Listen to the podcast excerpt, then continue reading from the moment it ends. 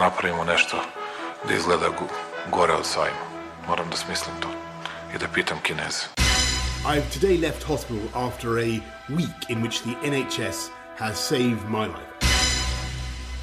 To se žena tiče, vi slobodno u shopping. U Italiju čujem da će sada bude veliki popusti, će tamo da budu, pošto niko živi neće doći, ili tako, u Italiju. Dobro večer. Mene su poslali iz štaba. Ja ću vam pomoći. Gde si, Zoki? Radio Karantin Marija Belić-Bibin Jelena Viser Aleksandar Kocić Dobrodošli u još jednu emisiju Radio Karantin podcasta. Peto pandemijsko izdanje. Pozdravljaju vas Aleksandar Kocić u Glazgovu. Dobro jutro. Marija Belić-Bibin u Novom Sadu. Pozdrav. I moje ime je Jelena Fiser i pozdravljam vas iz Utrehta. Osim što se u vreme pandemije trudimo da se sačuvamo od virusa COVID-19 i od njega ne razbolimo, neizmenično moramo da razmišljamo i o očuvanju mentalnog zdravlja. Živimo iskustvo u nastajanju. Sve ili mnogo toga se u nama i oko nas menja ili dobija novu dinamiku. Od intimnih rituala preko posla do odnosa sa porodicom i prijateljima i odnosa sa društvenim sistemima u kojima učestvujemo. Preispitujemo postojeće vrednosti i spoznajemo nove. Vakcina i leka još uvek nema, kao ni jasnih naznaka kada će ih biti. Živimo u vreme velike neizvesnosti anksioznost i rešenost, strah ili hrabrost, otuđenost ili solidarnost, reči su koje sve češće čujemo kada opisujemo emotivna stanja i često sa zebnjom razmišljamo koliko se te suprotnosti bore u nama i kojoj strani smo bliži. Na koji način pandemija utiče na naš emotivni život, kako menja kolektivnu svest, da li donosi neke nove fenomene u ponašanju individua i društva i kako se u tim društvima odnosimo jedni prema drugima, teme su o kojima ćemo ovog puta razgovarati sa našom gošćom, doktor, doktorkom Tijanom Mandić, kliničkim psihologom i psihoterapeutom. Tijana, dobrodošli. Dobar dan. Kako pandemija utiče na vaše raspoloženje i kako se nosite vi sa ovom neizvešnošću? Iskreno kažem, ja percepiram to kao proces. Znači, u početku, kako to teklo, od početka pa do nekih stvari, pa sad do kraja, prosto se, se, se događale različite stvari meni ovaj, i ljudima sa kojima ja radim. Znači, ja sam imala tu sreću da me pandemija zatekla usred posla, pišem, i taj deo nije mnogo različit. Jedino što sam prvi put u životu doživjela da blokove Ja inače pišem lako jednostavno, e sad mi se dogodilo to što su drugi kukali, a ja sam gledala kako to, da mi ide jako. Poslednjih pet poglavlja su mi toliko teški da ne razumem. Prosto, eto, tu vidim da, da, da se nešto dogodilo. I prosto sam, znači, posle prvog šoka, da li se to uopšte događa, posle neverice prolazila kroz različite faze. Ja sam ovde e, došla, živim malo u Americi, malo ovde, došla da upravo to da se usamim i da mogu na miru da pišem. I eto, ispunilo mi se na malo, na malo čudan način. Dobila sam totalnu samoću. E, s druge strane, dosta ljudi, pošto sam psihoterapeut, dosta ljudi mi se obraćalo. Tako da sam i kroz druge, što u stvari i moj posao um, učila, gledala, i to ne samo iz odavde iz Srbije, nego iz Amerike. Dobijala informacije šta im se događa, um, što može se uradi i tako dalje. E, ovo je, znači, vrlo neprirodna situacija za nas ljudi. Ili smo mi zaboravili, znate, možda je to bilo prirodno kad su ređe bile španske groznice, cure i tako dalje. Dugo smo živeli mirno i verovali da, da smo mi gospodari prirode i da se priroda tu negde pokorila i to nam je otprilike delovalo tako ovaj, um, izvesno. I onda se dogodilo to da, da shvatimo, to je jedna velika konfrontacija, da shvatimo koliko smo mali i koliko ne da nismo gospodari prirode, nego nismo izgleda čak ni gospodari sebe. Radio Quarantine Ako govorimo o tome da živimo u jednom istorijskom trenutku, Kakav je psihološki uticaj tog saznanja? Dvojak.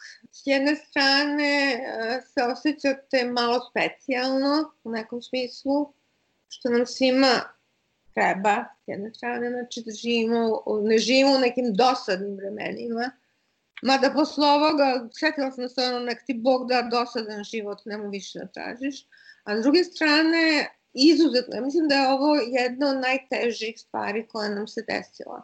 Pogotovo kao što znate, se stvari komplikuju i politički i ne znam ovako i onako. Tako da smo usred, usred jednog velikog vrtloga u kome se mnogi dave i naravno da ćemo imati i već smo počeli da imamo psihološke posledice.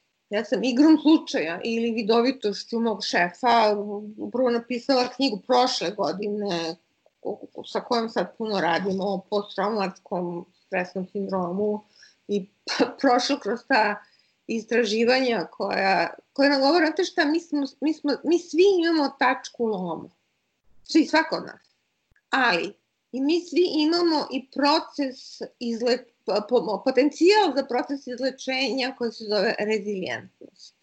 Imamo jedno i drugo, znači postoji ta dijalektika o nama. Moguće je svakoga slomiti, ali je moguće svakoga izvući. I to ne samo ga izvući u smislu da bude sličan sa ožiljkom, sličan onome kakav je bio pre, nego je moguće da poraste još bolji. Ovo zvuči totalno ovaj, iracionalno. Da poraste, još, da poraste još bolji nego što je bio. Upravo zbog toga što ste spomenuli što ljudi preispituju svoj sistem vrednosti, svoje emocije, svoje ponašanja, svoje izbore i tako dalje. A možemo li mi, Tijana, da ova sada neka iskustva u pandemiji COVID-19 poredimo sa nečim što se čovečanstvu desilo u istoriji, pa da kažemo da možemo da predvidimo te neke pandemijske traume i neka, neka post-traumatska ovaj, osjećanja, emocije i poremećaje koji su se nekada dešavali sa ovim danas? Ili je ovo ipak neki jedinstven slučaj? E, znate šta, u starim tim izučavanjima trauma su se delile na dve, dve velike kategorije. Traumu koju vam nanosi čovek i ne znam iz kog razloga su to nazvali traumu koju nanosi Bog. To je pogrešan naslov, ali u to spadaju, u to spadaju ove traume koje stvari nanosi priroda i tako dalje. Tadašnje istraživanja su pokazala da ako se, ako se osobi desi isti problem, znači ne znam, ženi pogine muž, ali ga ubije vojnik ili ženi pogine muž od groma, drugačije reagovamo. To je, tada smo nalazili da ove traume date od Boga lakše podnosimo nego ove traume nanesene na ljudske ruke. Ja ne znam da li će to u ovom slučaju biti isto zato što upravo preko ovih raznih medija mi možemo da vidimo koliko ovaj svet nije pravedan. Znači mi smo tačno videli koliko su stvari nepravedne, sada ne navodim primer. Mi vidimo koliko nevratno puno ima manipulacija sa strahom, krivicom, tako dalje. Mi vidimo koliko nevratno puno ima surovosti. I to ne znam da li će onda moći da, da, da, da ovaj, Znači, to niše nije trauma, samo trauma nanesena prirodom, nego je čovek ili ljudi su još neki ljudi otežani. Ne pobešani, nego otežani. Hteo sam da vas pitam, evo spomenuli smo generalnog sekretara Ujedinjenih nacija Antonija Gutereša koji pokreće nekakav plan ili globalnu politiku uh, za uh, pomoć ljudima uh, što se tiče mentalnog zdravlja. Da li vi znate za neke konkretne programe o kojima se trenutno govori i koji se planiraju u svetu ili u Srbiji? Ja mislim da se prave programi i da dosta često to rade institucije, nevladine organizacije, fakulteti, pojedinci. Mislim da države malo kaskaju zato što negde ne percipiraju te psihološke probleme kao relevantne. Uvek je važnije, ne znam, ovo, pa je važnije ono, pa, pa dok dođemo do psihe kao to se ne shvata baš mnogo ovaj, relevantno. A ili mislite da će pandemija COVID-19 u tom smislu biti neka prekretnica? Ne, znate šta, pa juče sinoć sam gledala neku tuču pred skupštinom. Mislim, ljudi se ponašaju sve iracionalnije i iracionalnije. Jelena Viser Marija Belić-Bibin Aleksandar Kocić Radio Karantin koliko je zapravo važan način na koji se o nekoj pojavi govori. Veoma često se o koronavirusu govori kao o tom nevidljivom neprijatelju protiv koga ćemo se boriti, izboriti, koga ćemo pobediti, s kojim ćemo se obračunati. Dakle, gotovo militantan ton. A s da. druge strane, ređe se o njemu govori kao pojavi, izazovu ili realnosti. A, o kakvoj kolektivnoj svesti govorimo kada se pred nju stavi neprijatelj, a kakva je ona koja se suočava sa izazovom realnosti? Ja vam kažem, ja sam tu vrlo skeptična i uopšte ne vidim da, se, da kolektivna svest raste i razvija se napred. Mislim da kolektivna svest takođe regredira. Izuzetno mi je žao što Freud nije živ da vidi. I ako se pojavi sa neko i kaže mi čovek je racionalno biće, ja ću kažem, pogled malo pogledaj, molim te malo, i to ne samo u Srbiji, pogledajte u Americi što događa sa, sa predsednikom i njegovim odlukama i odnosom prema narodu i tako dalje. Kada je jedna vlast apsolutno prešla granicu i zašla u zloupotrebu situacije i ugrožavanja emotivnog zdravlja naroda i koliko je to opasno, kakve dugoročne posledice ima?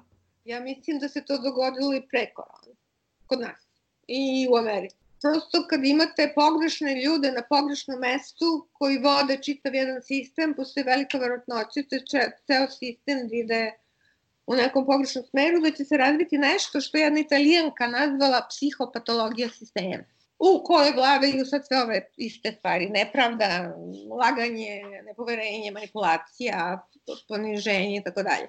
Znači, ne, neko davno neko davno je još rekao, znate šta, sa uplašenim, izmanipulisanim ljudima ćete mnogo lakše upravljati nego sa svesnim, integrisanim, zrelim ljudima. Kako onda tumačite uh, ovog stand-up komičara Nestorovića, koji je prvo govorio da se korona, da koronavirus ne postoji, da treba svi da idu u shopping u Milano, da se to leči rakijom i belim lukom.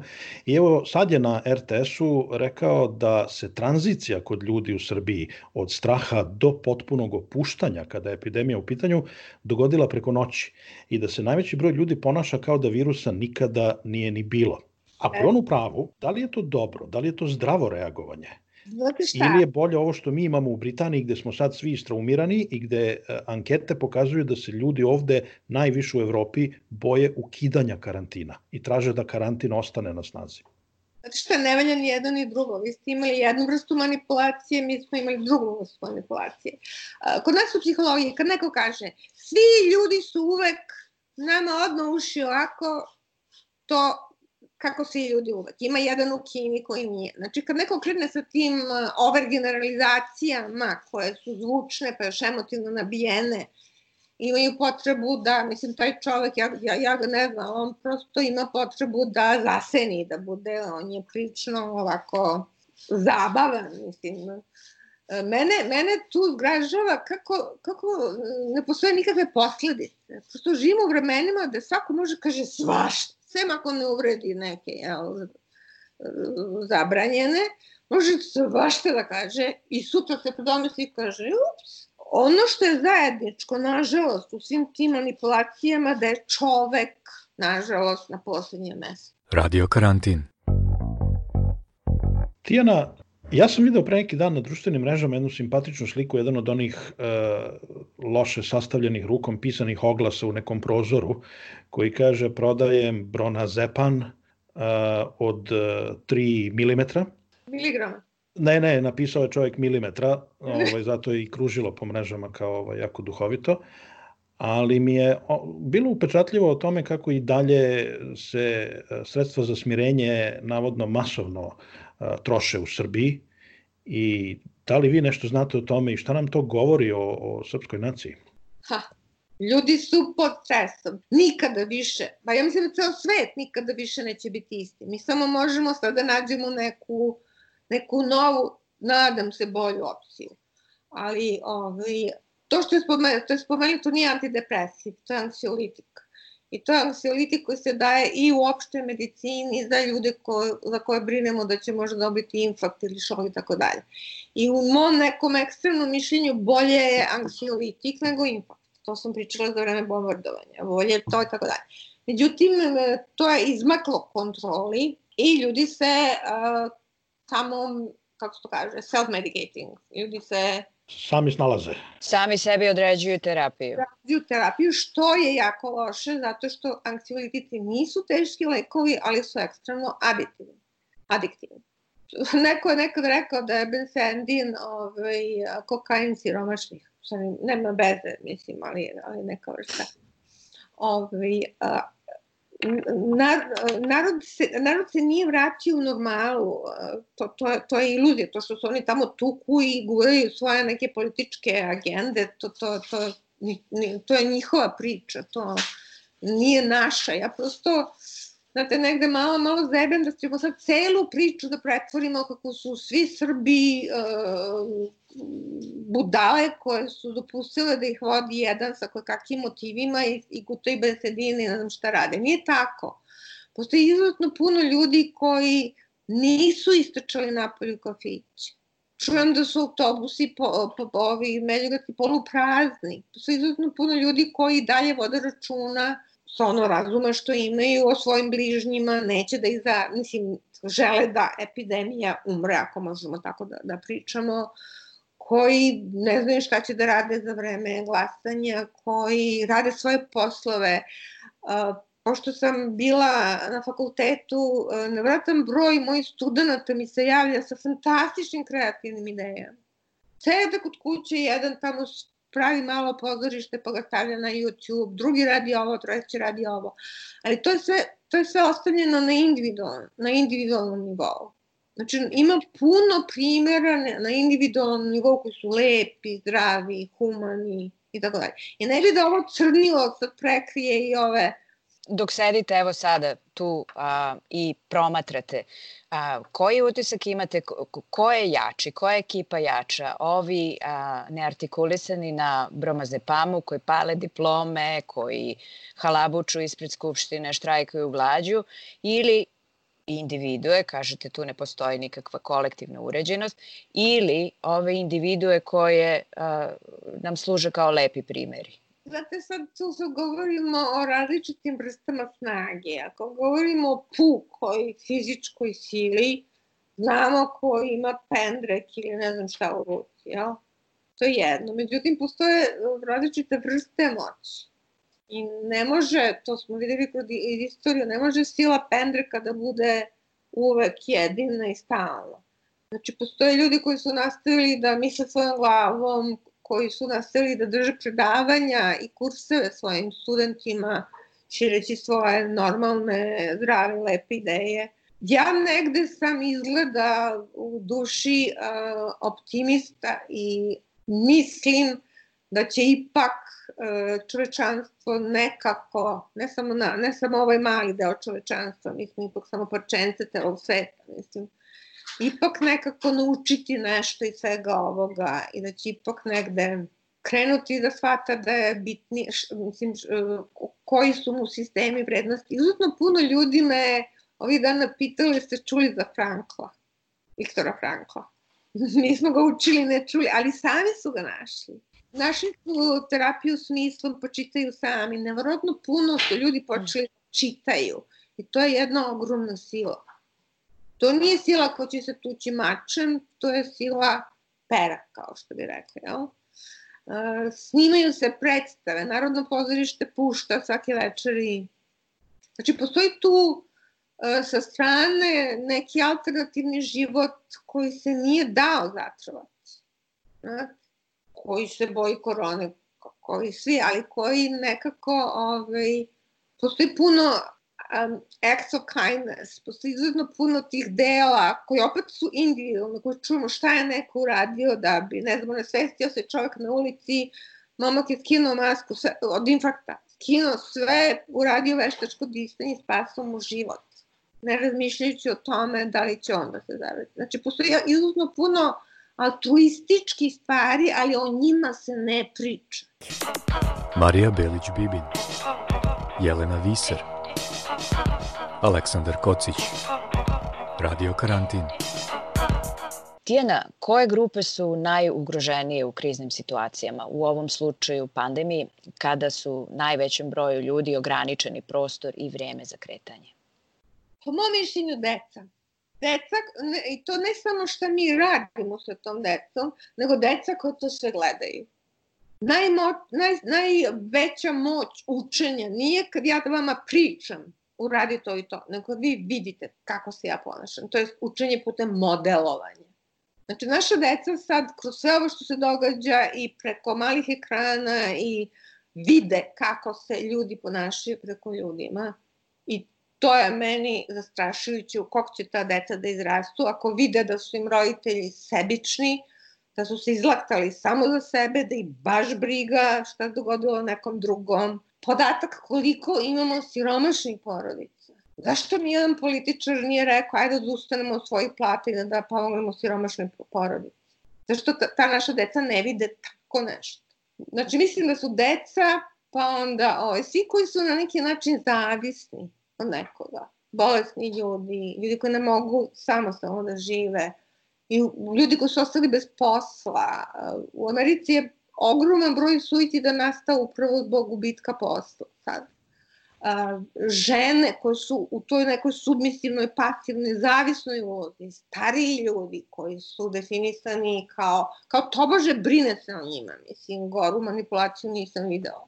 Znači, svi koji nisu apsolutno, znate, ono, Batmani ili Batwoman u ovom trenutku su u stvari ugroženi.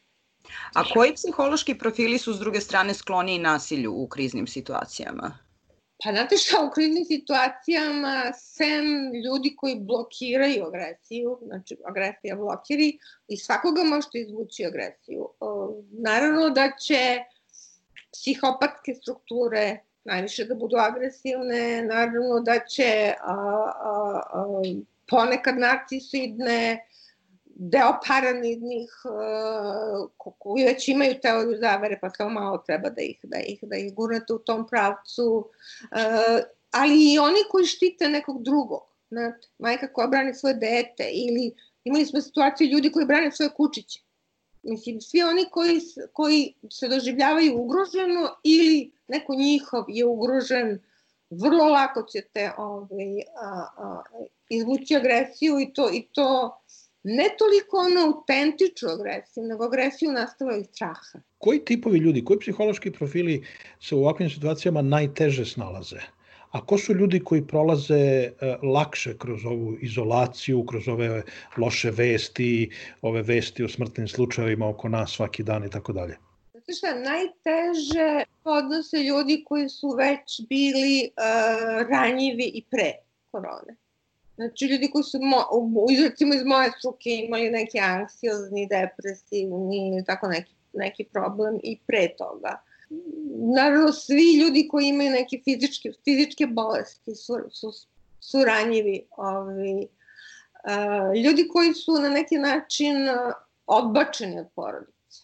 Znači, pokazalo se, pa ja sam se naslušala jako puno priča u kojima su e, mladi ljudi e, tako vaspitavani mladi ljudi prosto odbacili roditelje, prilike sam više ne trebaš, ovaj, nek, neko, brine, neko drugi brine o tebi.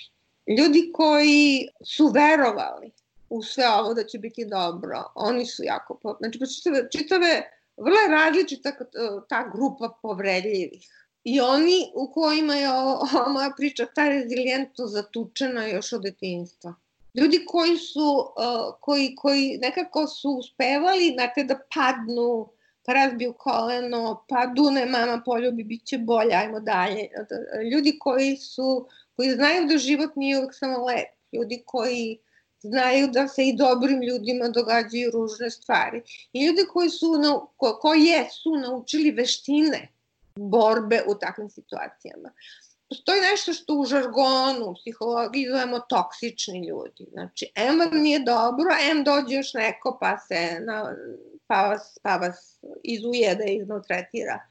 A ljudi koji ne umeju sa toksičnim ljudima, jer sada je bilo povremeno potrebno nekim ljudima postaviti granicu, reci nemoj mi više pričati ovaj, te mračne. M, pi, M pišem o suicidu, M gledam vestima, e, nemoj mi više, danas dosta, ajde kaži mi nešto lepo. Ljudi koji ne umeju to, ljudi koji ćute i gutaju taj mrak i mm, vrlo često introvertovani, vrlo često a, pesimisti, cinici, to, to je zanimljivo. Cinici su dosta stradali, jer je cinizam bio odbrana, od, pa ta sad odbrana u ovakvoj situaciji ne, ne funkcioniše. Imamo ogromnu kategoriju ljudi koji će biti, ovaj, kod koji ćemo tek videti kud je povrda otišla. Ljudi su skloni teorijama zavere. To je otišlo. A dokle stigla empatija? E, opet vrlo, vrlo različito. E, ne, ne vidim je, ne vidim je, ušte ne vidim mnogo na, na, na globalnom nivou, no, možda zato što ne izlazim puno, znate. Mnogo je više vidim tako po nekim malim grupama, na individualnom nivou, ima je izuzetno puno i možda bi čak mogli da pričamo o nekom balansu. Znate, kao što je za vreme bombardovanja bilo neverovatno puno empatije. Tako se i sada pojavljuje onako da se smrznete od lepote i dobrote kad neko uradi tako neki lep, lep gest. Ali opet vidite, to, to se ne prikazuje, o tome se ne priča, to se ne potkrepljuje, to se ne modeluje. Deca se ne uče da je to iz traume, a ne obrnuto. Marija Belić-Bibin Jelena Viser Aleksandar Kocić Radio Karantin Tijena, koji su pozitivni aspekti pandemije, izolacije i vanrednog stanja? Dobro je bilo onim ljudima koji su i pre pandemije imali relativno solidnu porodicu i kvalitetne porodične odnose. Ljudi koji nisu to imali, njima se pandemija pretvorila pakao, jer su konflikti postali sve veći, sve gori. Tako da, je, da, je, da, je, da su redki slučajevi da je porodična situacija bila očajna, i da su ljudi shvatili da je, da, da je to, to, to su pre floskule koje slušamo, idite kući, vodite računa o porodici. Nažalost, nije čovečanstvo tako zrelo. Pa da pandemija pomogne da porastemo na bolje. Da, u nekim delovima je suicid za neko vreme e, se smanjio i tu postoji dosta faktora, ali očekujemo veliki porast suicida skoro svuda u svetu. Realno smo u jednom vrlo neizvesnom vremenu u kom živimo. Šta je to što mi možemo sami za sebe da učinimo da, da se nekako zaštitimo i očuvamo svoje mentalno zdravlje? Puno toga. Prvo, e, negde biti pošten prema sebi u smislu ako ste tužni, plačete. Ako ste ljuti, nemojte vikati na komšiju i dičite se u jastuk ili napišite ljuto pismo nemojte blokirati uh, tu neku autentičnu emotivnost ili kako to kažu u svetu, budite emotivno pismeni. Emocije imaju svoju funkciju i svoju, svoju priču. Uh, s druge strane, vrlo je bitno ovaj, uh, razrađivati tu dimenziju budućnosti. Znači, recimo sretnim ja vas za tri godine kakva ćete biti. Pustite sebe da razmišljate kakva će biti vaša budućnost bez obzira koliko imate godina, čak i ako imate 80. Kada to je recimo jedna od posledica pandemije su ljudi počeli da žive samo ovde i sada. Zaboravili su lepe stvari iz prošlosti za koje se inače mi držimo i trebaju nam u terapiji, a ne vide se u budućnosti. Tako da radimo na tome, ok, ako ne možeš sada, ajde sutra. Sutra nešto lepo, mislim, oplevi malo baštu, nešto, ajde, upotrebi reč sutra. Znači, ta temporalna dimenzija je jako bitna. Onda će vas možda začuditi, ima jedna priča, postoji jako puno istraživanja da postoji nešto zovemo proces opraštanja. On je jako bitan. Mm, proces um, zahvalnosti je jako bitan. Proces, uh, ima, ima, neki, uh, ima jedan čitav deo psihologije koji se bavi pozitivnim rastom i razvojem. Znači, kao što postoji klinička koja gleda samo šta ne valja kod vas, tako postoji i ova pozitivna koja će naći šta je već jako u vama, koje su vam jake strane, pa ćemo na njih da nadograđujemo. Ali nećemo silom, ne mogu sad silom da vas nateram da budete zahvalni, ne mogu silom da vas nateram da oprostite, ne mogu razvijanje smisla za humor, razvijanje radosti, nek to bude trunčica radosti. Imamo, imamo sad prilično dobar repertoar uh, tih uh, pozitivnih veština, pošto smo sad skučeni na ovaj, uh, internet, ali ima jedna divna vežbica. Ako ste ikad imali kuće, ko imate kuće? Evo ja. Ima mačku, a kole ima kuće, da. Pa znate onu situaciju, dolazite vi od polja, otvorate vrata i kuća vas pozdravlja. Vi možete, možete, da, možete da se setite, da, da znate tu ljubav u očima tog kuća. Znate, vam poznat. Naravno, svaki dan to vidim. E, Doduše, ja imam hrta, tako da kod njih oni su malo tu rezervisani, ali znam o čemu pričate. Ali sad zamislite da vas neko gleda s tim očima punim ljudi. To možda bude baka, tetka, nepoznat neko. I to je nešto što želimo da vraćamo ljudima. Mogućnost da za empatiju, mogućnost za rezilijentnost, mogućnost da oproste, ali ne mislim bukvalno, pa to je jedna vrlo komplikovana. Mogućnost da budu zahvalni, mogućnost da se raduju, mogućnost da vole i na kraju najvažnije da nađu smisao života.